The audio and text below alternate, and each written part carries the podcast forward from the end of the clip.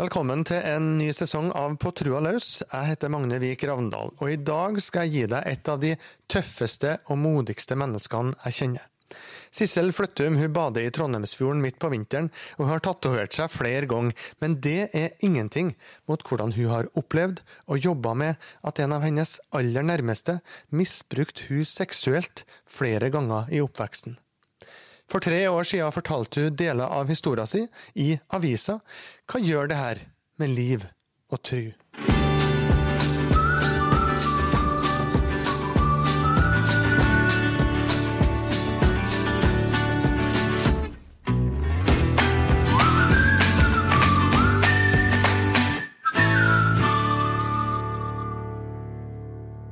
Sissel, god dag til deg. Hei. Hvordan var det den gangen å fortelle i avisa om noe så personlig og vanskelig som overgrep? Først når jeg fikk utfordringen på det, så måtte jeg gå noen runder og, og finne ut eh, motivene mine. Hvorfor gjør jeg det her? Hva kom du fram til? Jeg tror jeg har edle motiver, og det er å bruke eh, historien min positivt. Mm. Fikk du mange reaksjoner etter at du hadde stått fram med det? Nei, jeg fikk ikke mange reaksjoner. Men jeg tror det har kommet inn noen til avisredaksjonen. Men jeg har én person som jeg har nå kjent et par år, som jeg har fått fulgt med livet. Basert på den historien. Den historien. I mm. avisa Nidaros. Har du ja. angra på det noen gang? At du fortalte om noe så nært og personlig? Nei, men jeg var litt sånn redd for hva det kunne sette i gang til kretsen rundt. Og så visste jeg det at jeg hadde en trygghet i min nærfamilie. Så hvis det hadde buldra og braka, så visste jeg at jeg, ja, jeg hadde støtte der. Du sto støtt? Jeg gjorde det. Ja. Mm. Velkommen skal du i hvert fall være til podkasten På troa løs. Jeg ser fram til å høre de historier, og du har fortalt meg at den starter på Heimdal. Ja. Det var en såkalt blokkunge, har du sagt. Altså du vokste opp i ei boligblokk. Mange flere oppganger, flere leiligheter, eh, tette naboer. Eh, mor og far og to søsken. Men du har også sagt at der som unge så var du nødt til å klare deg sjøl. Hva betydde det? Jeg tror jeg erfarte ganske tidlig når jeg vokste opp, at eh, hvis det skjedde noe, så måtte jeg ta Eller jeg hadde vel ikke en person som jeg kunne søke noe mye trøst til. Så da måtte jeg trøste meg sjøl og klare meg sjøl, og det ble jeg ganske tidlig klar over når jeg, når jeg var lita. Hva gjorde du da? Jeg tror hvis det skjedde noe, så bare holdt jeg det i meg sjøl. Mm. Og så blir du tenåring, og så skjer altså det da som vi var inne på i starten, at du opplever ting som du ikke skulle ha opplevd. Mm. At du står der som jente i tenåra, og en som du har en nær relasjon til, som du skulle ha kunnet stole på, han forgriper seg på det. Du blir et overgrepsoffer. Mm. Hvordan opplevdes det? Det bærer med seg for meg mye skyld og skam. Mm en uh, taushet. Uh, har aldri blitt trua til å tie stille, men jeg bare visste at det her uh, snakket jeg om. Og i og med at jeg det, hadde i meg at jeg klarte meg sjøl fra jeg var lita, så klarte jeg meg sjøl videre. Men skyld og skam, ja. Hvordan håndterte du det? Jeg tror jeg var snill og føyelig hjemme og litt trollete ut, mm. ute i gata. Uh, uro på skolen. Hadde vel aldri sånn tette eller sånn veldig nære venninner, men uh, jeg har snakka med ei som bodde i samme blokk som meg, og jeg fikk høre det i etterkant at hun fikk ikke lov til å være sammen med meg fordi at jeg var trollete. Mm. Mm. Tenker du at det er en direkte link mellom de overgrepene som du opplevde, og det, den trollskapen som hun snakka om? Jeg tror ja og nei. Jeg har brukt mye aktivitet for å, å springe fra det som var vondt. Mm. Og springe fra meg sjøl. Ja. Hvor lenge varte det her overgrepene? Um, fra tre til fire år. Mm. Mm. Hva gjorde det med deg? Sjølbildet ditt? Hva så du på deg sjøl når det her pågikk? Det, det husker ikke jeg. Eh, men eh, jeg tenker litt sånn i bearbeidelse i etterkant, så vet jeg jo at, eh, at jeg ikke hadde det bra. Og så tror jeg heller at raset kom når jeg begynte å måtte ta tak i det her og måtte begynne å prate om det. Du, Sissel, ikke lenge etter at disse, denne perioden med overgrep, eh, trasige erfaringer var over, så møtte du Bernt. Eh, og etter hvert så skulle dere bli gift, etablert familie, tre unger. Eh, Starta en heim. Hvor plasserte du de såre minnene og overgrepserfaringene da? De var inni kroppen min, innkapsla, men det tøyte ut noe. eh, stadig i tankene mine. Med bilder på det som har skjedd. Men eh, jeg var fortsatt der at jeg, jeg klarer meg sjøl. Det her kan ikke jeg prate om. Jeg, for jeg, hvis jeg begynte å prate, så hadde jeg visst hva det har satt i gang. Så jeg, jeg torde ikke, jeg orka ikke, jeg ville ikke. Hvordan var det å gå med det her pakka inn, kapsla inn? Det var mye svart. Det var tungt.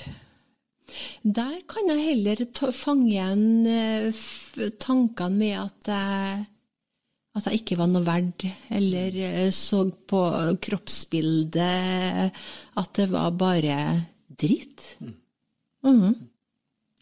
På Trua løs heter altså dette programmet, og man kan jo tenke seg at det kan være vanskelig å tro noe som helst når man har gjort seg sånne erfaringer i livet med svik og overgrep fra en som skulle ha beskytta deg.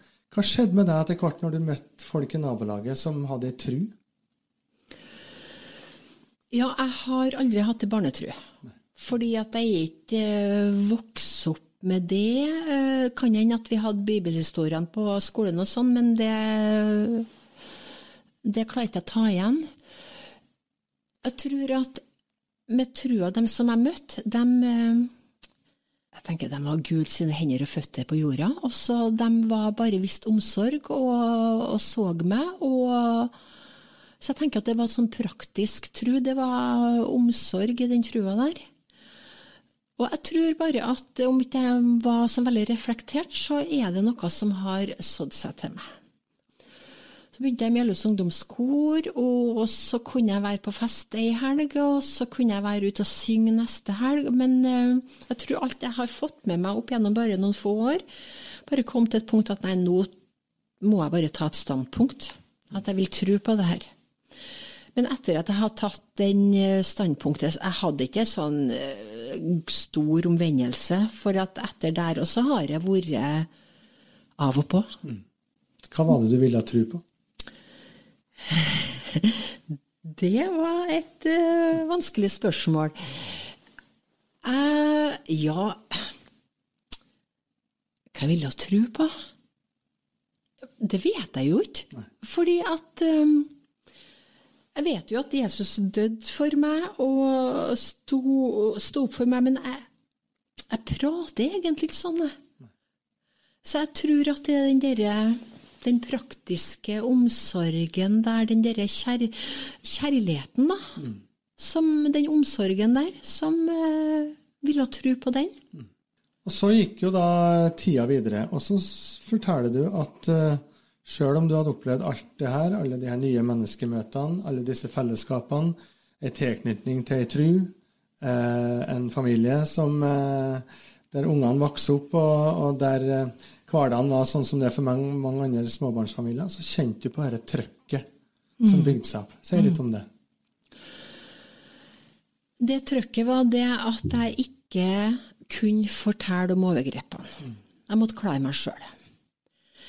Men det ga uttrykk ved at jeg var ganske urolig. Jeg har snakka med ungene mine, og vi finner ut at de har hatt en veldig oppegående mamma. Jeg har vært aktiv både mot ungene, eh, familie, storfamilie, i arbeid, i bedehus.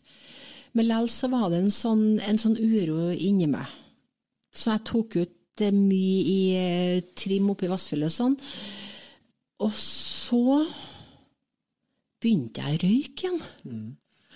Så der måtte jeg diskutere litt med karen. fordi at jeg fant ut hvis jeg skulle begynne på, Det, da, da, da, det, det koka litt i meg. Så tenkte jeg nå må jeg finne på noe gærenskap. Da plukka jeg frem røyken, for jeg tenkte at den var mest kontrollerbar. Hva handla det om? Og nå må jeg finne på noe gærenskap? Det var kanskje for å få en ventil for det, det trykket. Og så kom det til et punkt at eh, det her går ikke lenger. Jeg hadde egentlig ganske streit liv, men jeg kjente på det indre at eh, nei, det her går ikke. Og det tror jeg henger òg sammen med at eh, vårt land hadde tidligere altså jeg, Det er sent i 80-årene, så hadde vårt land noen artikler i eh, der de har skrevet om overgrep. Avisa Vårt Land. Avisa Vårt Land. Og Eva Lundgren har skrevet noen bøker om det temaet der, som jeg fant sånn at jeg oppdaga at jeg var ikke alene. Og det ga kanskje mot til meg å tørre å begynne å jobbe med det. Men der å tørre å gjøre det og ta det skrittet der og begynne med det, det for at jeg visste ikke hva det satte i gang. Og det er, veldig, det er jeg kanskje glad for at jeg ikke visste hva det satte i gang.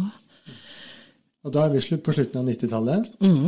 Og da ser du en annonse i Adresseavisa Mm. som forandrer livet ditt. Ja, du har annonsen med nyttige nummer, som står en rubrikk på høyresida, tror jeg jeg husker da, eh, med Røde Kors og diverse sånn, og så ser jeg Senter mot incest. Og så tenkte jeg at nå tar jeg bare og ringer dem. Men det er ikke at jeg ringte akkurat der og da, for jeg tror nok at jeg måtte gå noen runder, og tørs, tør, tør ikke. Men jeg ringte dem og gjorde en avtale litt frem i tid. Um, og så for jeg den, den dagen, og jeg gikk mange turer frem og tilbake i gata før jeg torde å gå inn der.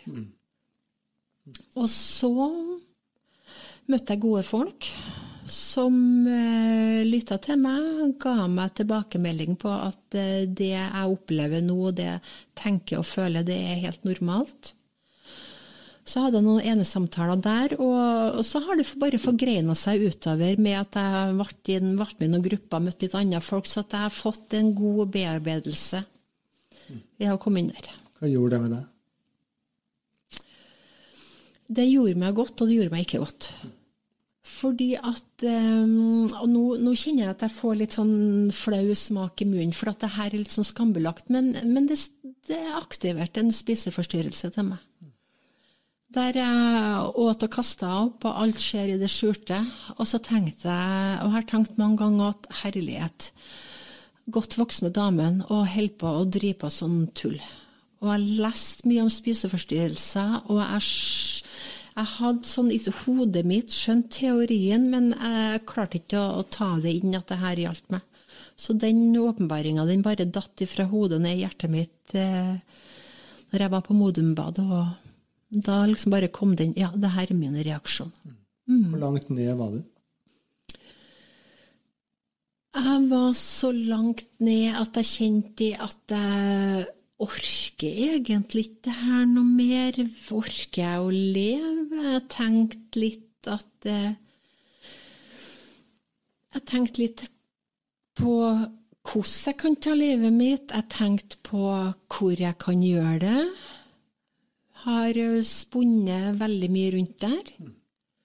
Og så hadde jeg heldigvis en sånn ja, tre gutter.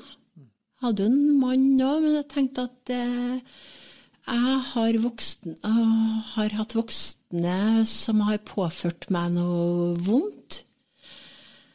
Jeg skal ikke, jeg har ikke lov til å påføre mine unger noe vondt som de skal ha med seg livet ut.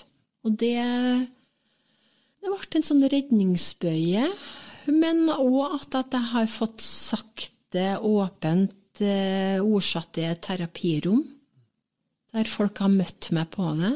At nå må, du må ikke sånn at nå må du skjerpe deg, Sissel, men sånn ordentlig, med kjærlighet og visdom og teori. Så bare kom jeg meg videre og kom meg opp. Er det en sorg du har vært gjennom? Jeg tenker at uh, jeg har hatt mye tap. Og de tapene uh, kan jeg kjenne på fortsatt. Fordi at uh, det er, det er en ballast der som jeg tenker jeg ikke skulle hatt med meg, som, eh, som følger meg og har gitt meg tap. Um, tap av gode relasjoner i familie. Tap av muligheter for utdannelse, i hvert fall litt tidlig. Um, ja, litt forskjellig sånn. Gikk det med trua di i møte med alt det her? Jeg har prøvd å vende trua ryggen, men, men det, det, har ikke gått. Men jeg, kunne få, jeg opplever at jeg har fått lov til å være litt sånn rebell og Ja, den, den, har alltid ligget der, men kunne, den har kanskje òg i tider ligget litt brakk.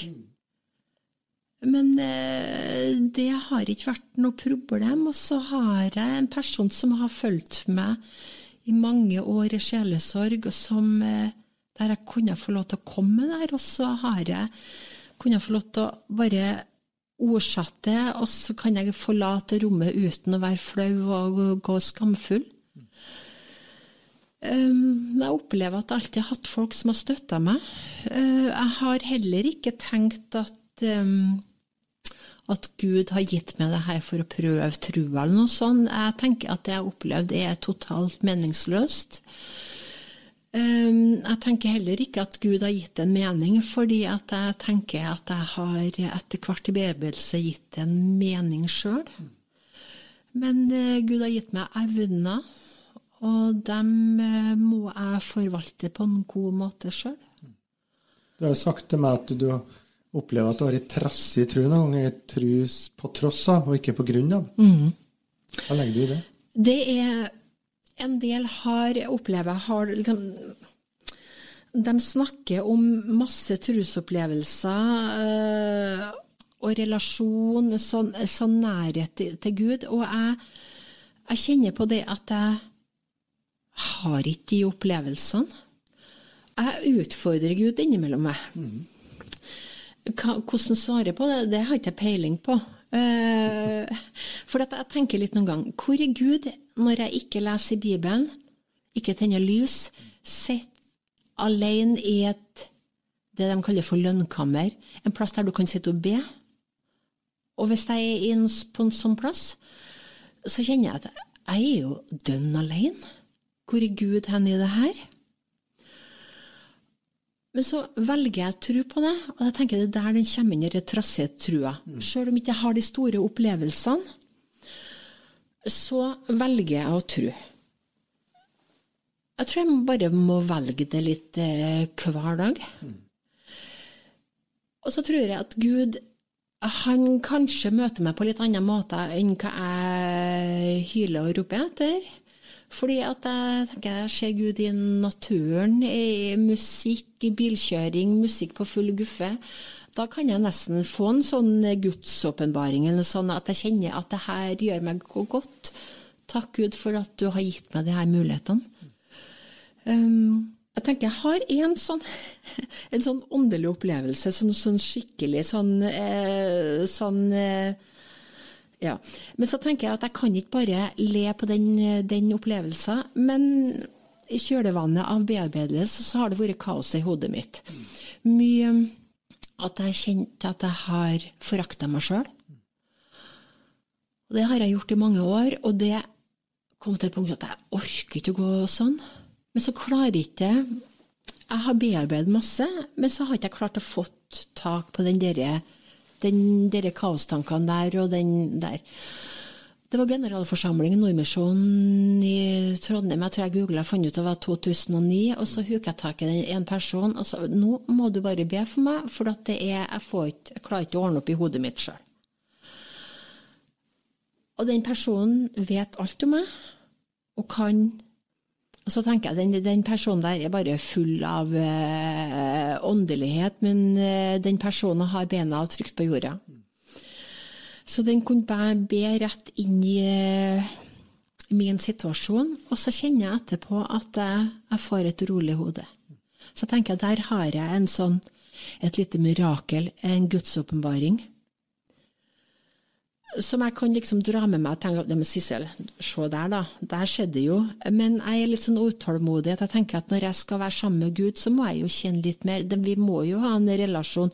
Må jo, jeg må jo kjenne at den er der. Eh, men jeg bærer fortsatt med meg frukter av den forbønna ved at jeg har et rolig hode. Og når jeg legger meg på kvelden, så jeg tror ikke jeg går gjennom hele dagen, men jeg kan bare tenke takk, Jesus, for den dagen her. Takk for de jeg har møtt. Mm. Sissel, du har altså valgt, som du sier, å tro. Du har valgt å forholde deg til en Gud midt oppi alle de tøffe livserfaringene som, som du har fått, som historia di har gitt deg. Eh, og i den trua da, så kommer man jo fort borti spørsmålet om tilgivelse. Mm. Midt oppi når man har den type ting i ryggsekken. Hvordan har du forholdt deg til det begrepet? Jeg har hatt eh, piggene veldig mye ut mm. på ulike tema. Men da tror jeg at jeg har, en del av den forkynnelsen har truffet meg på tema som jeg ikke har fått bearbeidet. Så jeg har hatt piggene ut veldig mye på tilgivelse. På hvilken måte? Piggene ut? Jeg blir sint. Hvis folk sier at du må tilgi? Ja. Og det kan hende at jeg har blitt litt lei meg, og kjenner at det møter en sånn sorg i meg. Um, jeg, har, jeg, tror aldri jeg har vært der at jeg har tenkt at jeg skal aldri tilgi. Jeg har hatt en tanke om at langt fremme der så kan det ligge en tilgivelse, men jeg må ikke. Men jeg skal aldri si at jeg ikke vil tilgi. Og etter hvert som årene har gått, og jeg har møtt litt forskjellige øh, forkynnelse, og jeg har um, tatt studier, kristen sjelesorg, diakoni, der jeg har fått veldig mye lest fag om tilgivelse. Og det har vært med en sånn bearbeidingsprosess til meg. Uh, så jeg har tillit men jeg har ikke gått til de personene som har gjort meg ondt, og, og, sagt 'jeg tilgir dere', for jeg tror kanskje ikke at de har skjønt helt hva jeg hadde prata om. Eller jeg, jeg, tenker at jeg tror ikke jeg har hatt helt mot til å gjøre det. Jeg har ikke villet gjort det, fordi at eh, det, det, ligger en sånn sårbarhet der, så det er en sårbarhet som ikke jeg unner alle å få, lov, få en del av. Mm. Men hva innebærer det da at du sier at du har tilgitt? Da tenker jeg at jeg har tilgitt de personene, og da legger jeg bort et sånt eh, et hat. Jeg kan forholde meg til de personene, men fortsette å sette, sette opp grenser som jeg kjenner at det her er sånn vil jeg ha. Så en tilgivelse for meg er ikke grenseløs. Jeg kan fortsette eh, tenke at jeg trenger ikke å forholde meg til de personene. Eller jeg kan møte dem alt etter som jeg vil sjøl. Eh, men det ble, en sånn, det ble en ro i meg, det òg. Mm. Du fortalte meg det at da denne mannen som ble en overgriper for deg, da, da han døde, så var det begravelse som ikke var god for deg i hele tatt. Eh, der du var sint. Eh, og Så gikk det nesten et år, og så oppsøkte du den samme presten igjen. Hvorfor det? Eh, på selve begravelsesdagen så Altså, Vi snakker noen gang om at vi, når vi sier noe galt, så bannes vi i kirka. Og så tenker jeg at ja, men jeg gjorde det den dagen. Og det var for at jeg ikke hadde lyst til å vise noe til sårbarheten min. Jeg bare stålsatte meg. Og så grein jeg litt senere på dagen. Men, men, men da var det òg litt sånn trygt. Men tida gikk. Jeg har aldri hatt behov for å gå til det gravstedet og spekulere og sånn, men det har jeg egentlig generelt til sånne forskjellige generasjoner, så jeg har egentlig ikke sånn forhold til det. Men det gikk et års tid, så kjente jeg at nå er jeg klar for å si ha det til den personen der. Og da tok jeg kontakt med presten, og han visste om min historie fordi jeg hadde snakka med han på forhånd før den begravelsen. Og da ordna, da gjorde vi et avtale, at vi møttes eh, noen dager etterpå. Han ordna Hadde litt sånn rituale. Liturgi, kanskje heter det. Der han snakka gjennom, og der jeg kunne si noe, Men jeg trengte heller ikke å si noe om at eh, hvor fantastisk person du har vært, og jeg savner deg. Sånn. Jeg kunne få lov til å være veldig nøytral. Men gjennom de tekstene og bønna, så kjente jeg at Nei, men nå har jeg tatt avskjed med den personen der, på en sånn litt ordentlig måte. Hvor viktig var det for deg? Det var viktig for meg der og da, for at i og med at jeg gjennomførte, så tenkte jeg da var det viktig. Mm, og jeg har en ro på det i etterkant, at ja, men det var fint at jeg gjorde det sånn. Mm. Alle disse erfaringene som du har delt med oss nå, Sissel, dem har jo du brukt også i forhold til å kunne bidra til andre, hjelpe andre. Du har du brukte et ord som sjelesorg, og det er altså en slags uh, terapi i en kirkelig sammenheng. Og det har jo du sjøl bidratt med mange ganger. Hva er det du kan bidra med? Jeg tenker at når jeg har jobba gjennom traumene mine Jeg lever godt med historien min. Og da tenker jeg det at um, jeg skal bruke den positivt. For grunnen til at jeg er her i dag,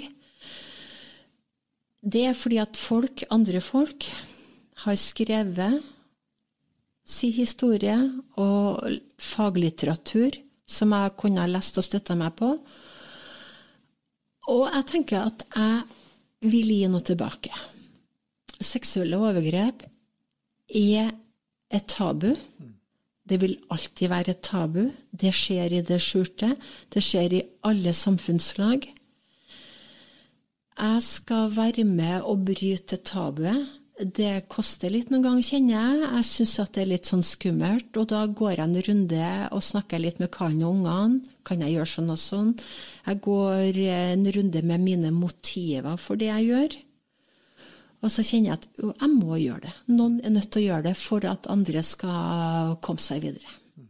Det har du gjort her i podkasten og på Trådløs. Tusen takk for at du var med oss, Sissel Fløttum.